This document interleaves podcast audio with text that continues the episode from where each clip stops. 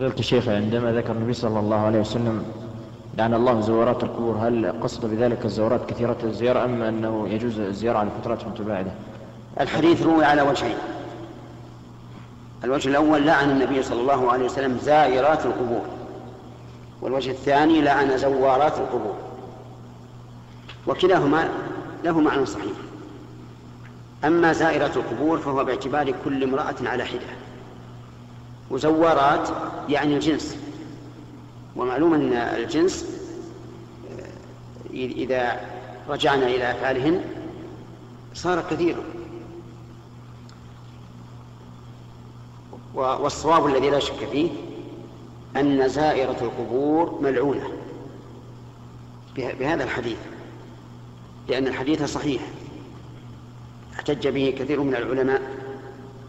وتكلم عليه شيخ الإسلام ابن تيمية في الفتاوي بكلام جيد ينبغي لطالب العلم مراجعته. وما جاء في حديث عائشة أن الرسول عليه الصلاة والسلام علمها ما تقول.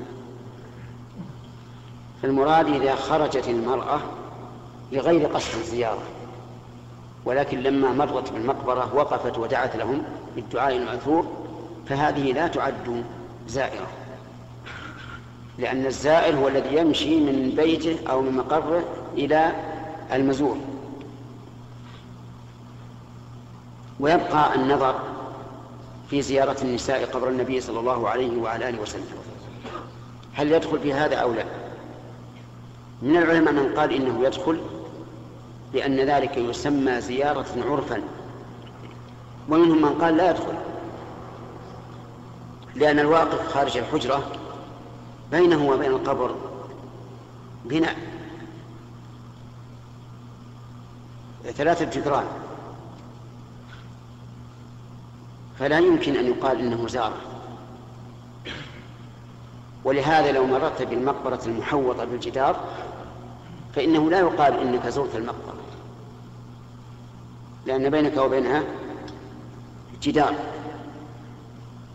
فلا يسمى وقوف المرأة عند قبر النبي صلى الله عليه وسلم زيارة قبر. ولهذا قال الفقهاء رحمهم الله تسن زيارة قبر النبي صلى الله عليه وسلم حتى للنساء.